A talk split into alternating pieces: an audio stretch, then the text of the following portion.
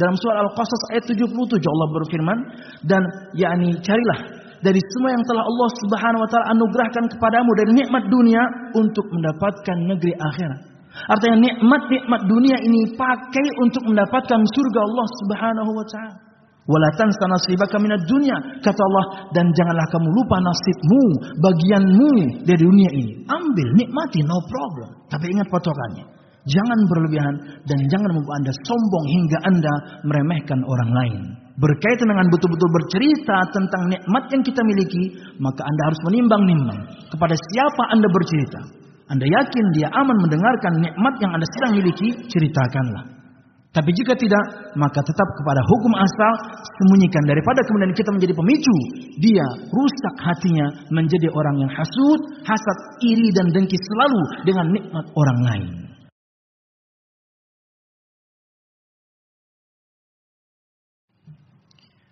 إن الحمد لله نحمده ونستعينه ونستغفره ونعوذ بالله من شرور أنفسنا ومن سيئات أعمالنا. من يهده الله فلا مضل له ومن يضلل فلا هادي له. أشهد أن لا إله إلا الله وحده لا شريك له وأشهد أن محمدا عبده ورسوله. قال الله تعالى في القرآن الكريم أعوذ بالله من الشيطان الرجيم. يا أيها الذين آمنوا اتقوا الله حق تقاته ولا تموتن إلا وأنتم مسلمون. يا أيها الناس اتقوا ربكم الذي خلقكم من نفس واحدة وخلق منها زوجها وبث منهما رجالا كثيرا ونساء واتقوا الله الذي تساءلون به والأرحام إن الله كان عليكم رقيبا.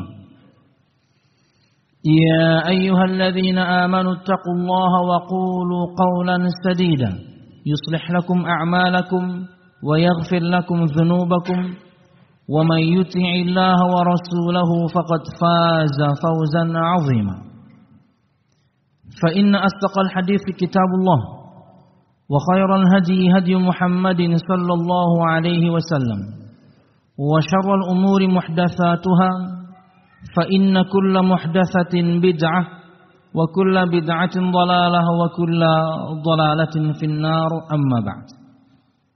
Hadirin jamaah Jumat rahimakumullah Alhamdulillah segala puji dan syukur marilah kita haturkan kepada Allah Subhanahu wa taala.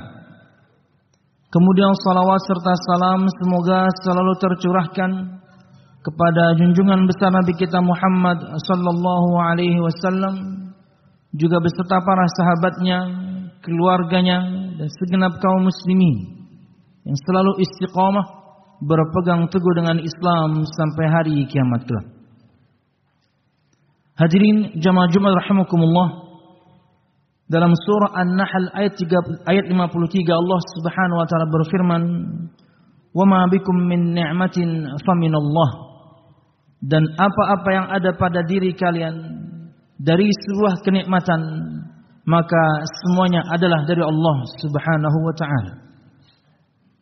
Para ulama bahasa menafsirkan atau mendefinisikan nikmat dengan kullul khairil ladzi yasilu ilal mar'i fi dinihi wa dunyah. Nikmat itu adalah semua kebaikan yang sampai kepada diri seseorang entah itu berkaitan dengan urusan agamanya atau urusan dunianya. Dan berkaitan dengan nikmat Allah Subhanahu wa taala dalam urusan agama adalah praktek ibadah kita sekarang ini. Mudahnya kita beribadah kepada Allah Subhanahu wa taala. Mudahnya semua kita alhamdulillah melangkahkan kaki ke masjid atau tentunya mungkin dengan alat transportasi yang lain. Tidak berjalan kaki dia, ada sepeda motor, ada mobil. Tapi mudah untuknya menarik gas, mudah untuknya menginjak gas hingga kemudian dia mudah untuk pergi ke masjid untuk menjalankan ibadah kepada Allah Subhanahu wa taala, maka ini di antara nikmat yang terbesar yang kita dapatkan dari Allah Subhanahu wa taala, yaitu as-suhulatu fil ibadah, mudah menjalankan peribadatan kepada Allah Subhanahu wa taala. Dalam Sahih Muslim disebutkan kata Nabi Muhammad sallallahu alaihi wasallam, "Ma minkum min ahadin illa waqad kutiba maq'aduhu minal jannati aw minan nar." Qala ya Rasulullah, afala nattakilu ya Rasulullah? Qala la, i'malu fakullun muyassarun lima khuliqa lahu. Kata Nabi Muhammad sallallahu alaihi wasallam, tidak ada seorang pun di antara kalian kecuali telah Allah Subhanahu wa taala tentukan tempatnya di surga atau di neraka. Kemudian seorang sahabat bertanya, "Wahai Rasulullah, tidakkah kita meninggalkan amal saja? Tidakkah kita nganggur saja? Tidak perlu beramal?" Kenapa? Toh Allah Subhanahu wa taala telah menentukan surga kita atau naudzubillah neraka kita. Apa jawab Nabi Muhammad SAW? La i'malu fakullun muyassarun lima khuliqalahu. Tidak, beramallah maka semuanya kelak akan dimudahkan untuk yang diciptakan untuknya. Karena ada orang-orang yang Allah Subhanahu wa taala ciptakan dan dia memang ahli surga, maka Allah Subhanahu wa taala akan mudahkan untuknya untuk mengamalkan amalan-amalan ahli surga. Dan sebaliknya, ada orang-orang yang memang sudah Allah Subhanahu wa taala ciptakan untuk menepati neraka dan Allah akan mudahkan untuknya naudzubillah untuk mengamalkan amalan-amalan ahli neraka. Hadis riwayat Imam Muslim. Maka mudahnya kita beribadah kepada Allah Subhanahu wa taala ini nikmat dari Allah Subhanahu wa taala yang perlu tentunya kita syukuri.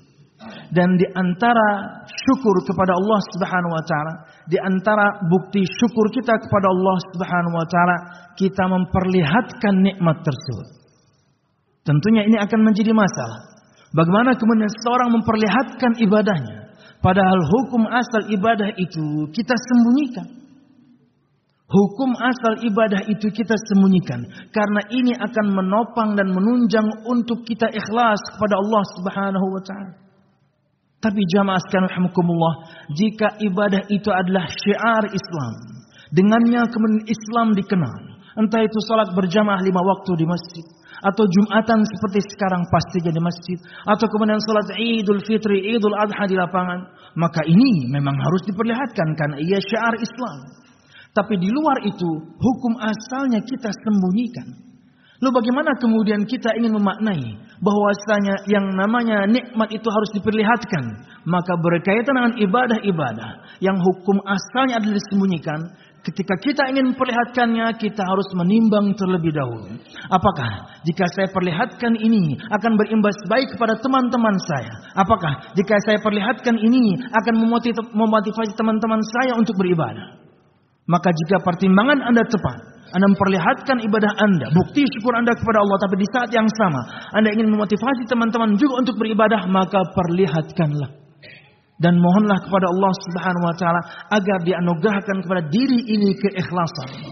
Ikhlas yaitu mengikhlaskan amal untuk Allah Subhanahu wa taala memang perbuatan yang muktasab, harus kita usahakan, harus kita latih, berat memang. Tapi subhanallah, ada orang-orang yang Allah anugerahkan kepadanya keikhlasan. Dari mana kita tahu ini? Dari firman Allah Subhanahu wa taala ketika iblis berjanji, la ughwiyannahum ajma'in illa ibadaka minhumul mukhlasin. Sungguh aku akan sesatkan mereka semuanya ya Tuhanku Allah Subhanahu wa taala kecuali hamba-hambamu yang engkau anugerahkan kepada mereka keikhlasan. Maka selalu memohonlah kepada Allah Subhanahu wa taala agar kita dikaruniai keikhlasan. Artinya ketika kita memperlihatkan amal kita pun kita aman dari riya, kita am aman dari yang namanya yakni syirik yang kecil. Beribadah ingin dilihat orang, beribadah ingin dibicarakan orang, beribadah ingin kemudian nama baik dia terkenal. Nun. Selalu berdoa kepada Allah Subhanahu wa taala agar kita dianugerahkan keikhlasan. Karena di antara bentuk syukur kita kepada Allah Subhanahu wa taala, kita memperlihatkan amal tersebut. Ini berkaitan dengan nikmat dalam urusan agama. Nah, dalam perkaitan dalam kaitannya dengan urusan dunia, maka rata-rata para ulama tafsir ketika menafsirkan firman Allah Subhanahu wa taala, "Wa amma bi ni'mati rabbika fahaddits" maka sedangkan dengan nikmat Tuhanmu Allah Subhanahu wa taala, maka bicarakanlah kata para ulama, at-tahadduts bin ni'mah izharuha.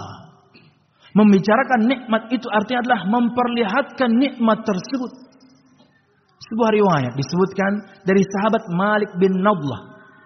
Dia mengatakan, "Ra'ani Rasulullah sallallahu alaihi wasallam wa alayya wa, wa kuntu ala atmari." Kala itu Rasulullah sallallahu alaihi wasallam melihatku dan kala itu baju yang aku pakai, kalau kita berbicara bahasa Banjar, kubas. Warnanya sudah sirna. Enggak jelek-jelek amat, tapi sudah ketahuan bahwasanya warnanya sudah sirna. Kemudian kata Nabi Muhammad SAW, Nabi Muhammad tahu dia orang yang punya. Nabi Muhammad tahu dia orang berada. Tapi Nabi Muhammad bertanya untuk mengingatkan dia. Halaka malu, apakah kamu punya harta? Malik bin Nadlah mengatakan, Naam ya Rasulullah. Saya punya wahai Rasulullah. Min ayil mal. Kata Nabi Muhammad, macam apa atau harta yang seperti apa yang kamu miliki? Kata beliau menjawab, semuanya wahai Rasulullah. Aku punya unta, aku punya kuda, aku punya kambing, aku punya budak. Kekayaan di masa itu adalah binatang ternak dan banyak yang memiliki. Saya punya semuanya wahai Rasulullah. Maka perhatikan nasihat Nabi Muhammad SAW. Kata beliau,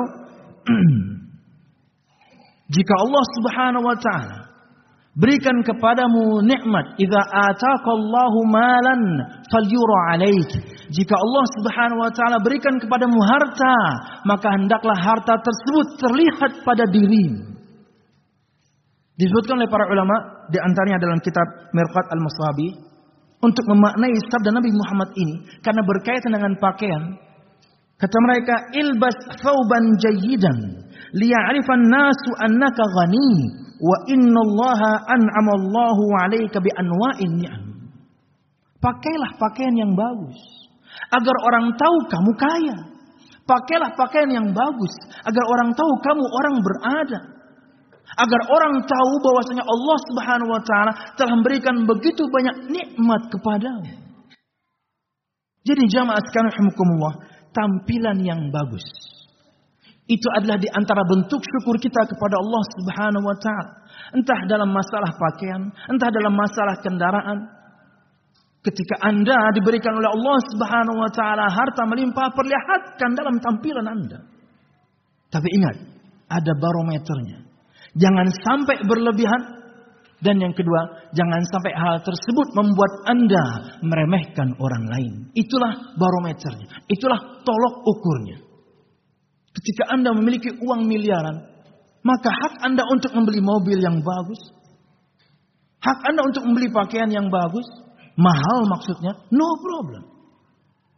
Karena bisa jadi jamaah sekalian alhamdulillah dari penampilan Anda, dari tampilan Anda bermanfaat untuk orang lain dalam artian orang akan tahu Anda berada dan Anda bisa bantu orang lain. Dengan kekayaan Anda, Anda bisa menolong orang lain. Kenapa? Orang lain tahu, masya Allah, Fulan sepertinya kaya. Terlihat dari mobilnya, terlihat dari pakaiannya, terlihat dari arlojinya.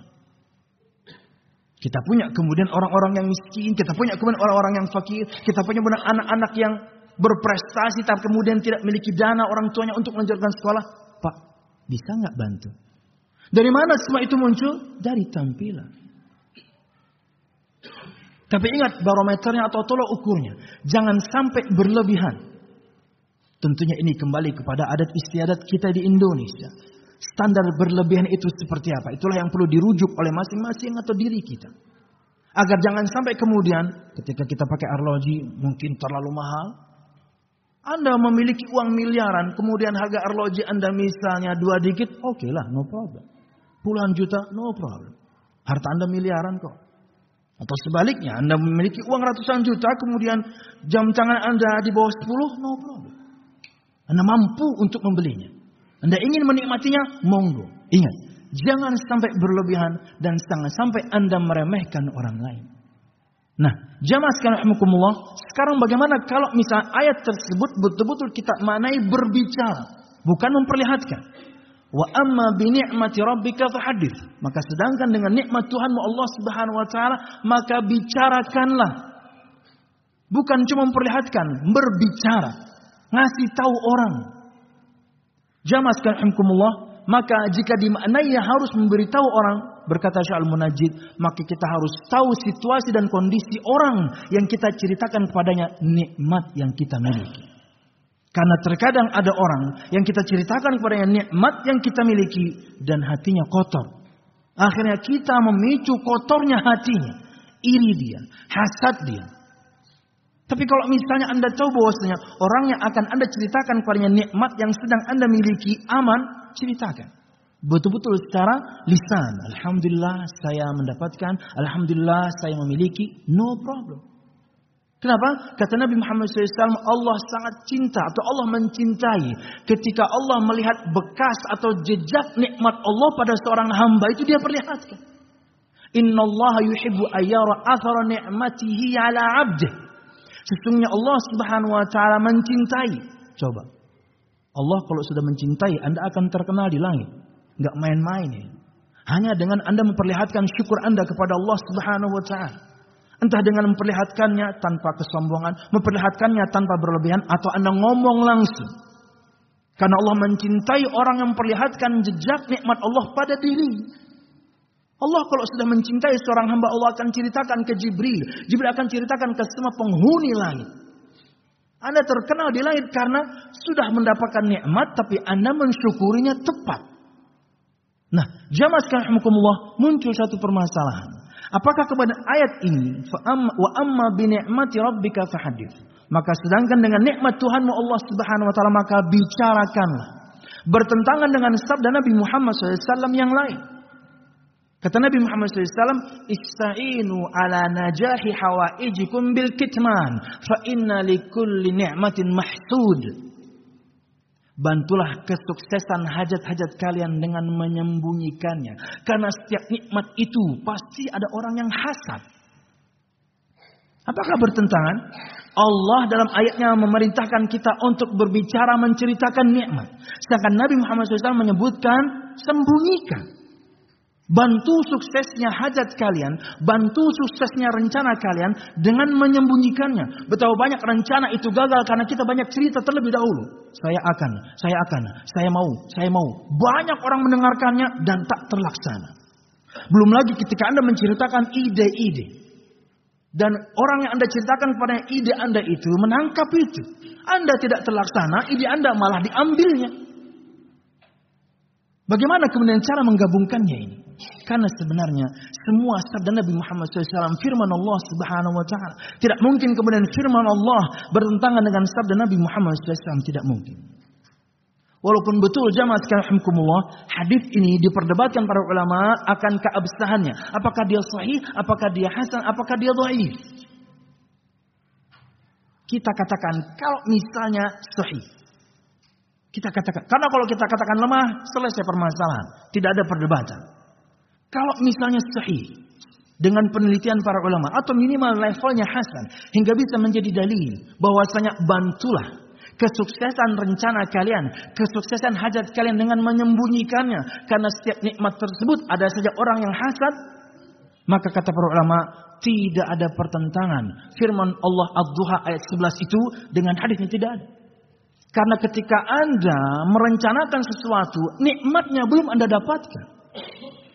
Ketika Anda menyembunyikan rencana Anda, ketika Anda menyembunyikan rencana dan hajat Anda, nikmatnya belum Anda dapatkan. Jadi tidak ada pertentangan. Begitu kemudian rencana Anda sukses, yang tadi Anda telah sembunyikan, kemudian Anda lakukan dan sukses itulah baru dikatakan nikmat dari Allah Subhanahu wa taala. Kala itulah baru Anda ceritakan. Ketika menceritakannya pun kemudian kembali kepada tolak ukur yang tadi.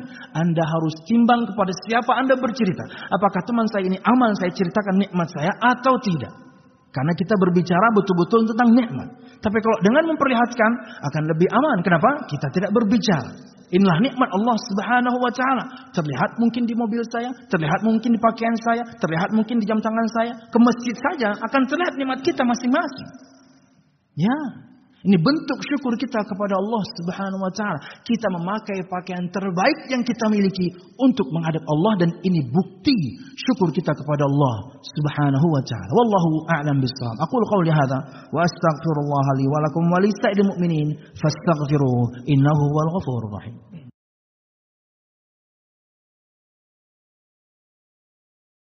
Alhamdulillah. Alhamdulillahilladzi hadana li hadza wa ma kunna linahtadiya laula an hadana Allah. والصلاة والسلام على أشرف الأنبياء والمرسلين محمد صلى الله عليه وسلم وعلى آله وأصحابه أجمعين الذي حارب الباطل وأيد الحق وطمس الرذائل وأحيا الفضائل وتمم مكارم الأخلاق وهدى الناس إلى صراط مستقيم صراط الذين أنعم الله عليهم من النبيين والصديقين والشهداء والصالحين وحسن أولئك رفيقا Hadirin jamaah Jumat rahimakumullah. Dalam khutbah kedua ini saya ingin menyampaikan satu sabda Nabi Muhammad SAW sebagai penutup. Kata beliau sallallahu alaihi wasallam, "La yadkhulul jannah man kana fi qalbi mithqala dzarratin min kibrin."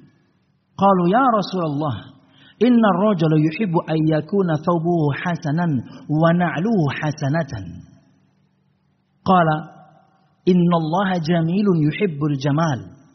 Al-kibru batarul haqqi wa ghamtun nas. Kata Nabi Muhammad SAW, tidak masuk surga. Orang yang ada pada hatinya sedikit saja kesombongan. Kemudian para sahabat bertanya, wahai Rasulullah, seorang laki-laki ingin pakaiannya bagus. Seorang laki-laki ingin sendalnya bagus. Kalau kita ingin lebarkan sepatunya, jam tangannya, arlo, e, mobilnya, sepeda. Seorang pengen sesuatu yang bagus untuk dirinya. Maksud para sahabat, apakah kemudian itu masuk kategori sombong? Kata sahabat wahai Rasul, seorang laki-laki ingin pakaiannya bagus. Seorang laki-laki ingin sendalnya juga bagus. Kata Nabi Muhammad, Inna Allah jamilun yuhibbul jamal. Sesungguhnya Allah itu indah dan mencintai keindahan. Sombong itu adalah batarul haqqi wa ghamtun nas. Sombong itu adalah menolak kebenaran dan meremehkan manusia. Itulah intinya. Perlihatkan nikmat Allah Subhanahu wa taala pada diri Anda. Dan kita sedang berbicara dalam urusan duniawi. Pakaian, makanan, minuman, kendaraan, apa pun itu. Allah suka melihat bekas jejak nikmat Allah subhanahu wa ta'ala pada hambanya. Maka perlihatkanlah. Tapi ingat jamaah sekalian hamkumullah tolok ukurnya. Jangan berlebihan. Dan ingat, dan ini yang paling penting. Jangan sampai kemudian pakaian anda, arloji anda, Makanan yang Anda makan setiap hari atau mobil Anda membuat Anda sombong hingga kemudian Anda meremehkan orang lain. Nikmati, no problem. Itulah nikmat dunia yang bisa kita ambil. Wala tansa nasibaka minad dunya kata Allah Subhanahu wa taala. Wabtaghi fima ataka Allah ad-darul akhirah wala tansa nasibaka minad dunya. Dalam surah Al-Qasas ayat 77 Allah berfirman dan yakni carilah dari semua yang telah Allah Subhanahu wa taala anugerahkan kepadamu dari nikmat dunia untuk mendapatkan negeri akhirat. Artinya nikmat-nikmat dunia ini pakai untuk mendapatkan surga Allah Subhanahu wa taala. Wala tansa nasibaka minad dunya kata Allah dan janganlah kamu lupa nasibmu, bagianmu dari dunia ini. Ambil, nikmati no problem. Tapi ingat patokannya. Jangan berlebihan dan jangan membuat Anda sombong hingga Anda meremehkan orang lain. Berkaitan dengan betul-betul bercerita tentang nikmat yang kita miliki, maka Anda harus menimbang-nimbang kepada siapa Anda bercerita. Anda yakin dia aman mendengarkan nikmat yang Anda sedang miliki, ceritakanlah. Tapi jika tidak, maka tetap kepada hukum asal sembunyikan daripada kemudian kita menjadi pemicu dia rusak hatinya menjadi orang yang hasud, hasad, iri dan dengki selalu dengan nikmat orang lain. Wallahu a'lam bishawab. Jamaah sekalian hukumullah ini yang bisa ulun sampaikan. Mudah bermanfaat salah dan khilaful mohon maaf. Semoga semua kita bisa mempraktekkan ayat Allah Subhanahu wa taala yaitu membicarakan nikmat Allah Subhanahu wa taala. Entah dengan memperlihatkannya tanpa kesombongan, entah dengan memperlihatkannya tanpa kemudian berlebihan atau betul-betul berbicara kepada orang yang tepat kita membicarakannya. Karena Allah cinta ketika melihat jejak nikmat Allah Subhanahu wa taala pada diri kita, kita menceritakannya. Wallahu a'lam bishawab. اللهم اقسم لنا من خشيتك ما تحول به بيننا وبين معصيتك ومن طاعتك ما تبلغنا به جنتك ومن اليقين ما تهون به علينا مصائب الدنيا. ومتعنا الله بأسماعنا وأبصارنا وقواتنا أبدا ما أحييتنا. واجعله الوارث منا واجعل ثأرنا على من ظلمنا. يا أرحم الراحمين. ربنا هب لنا من أزواجنا وذرياتنا قرة أعين واجعلنا للمتقين إماما. ربنا لا تزغ قلوبنا بعد إذ هديتنا وهب لنا من لدنك رحمة إنك أنت الوهاب.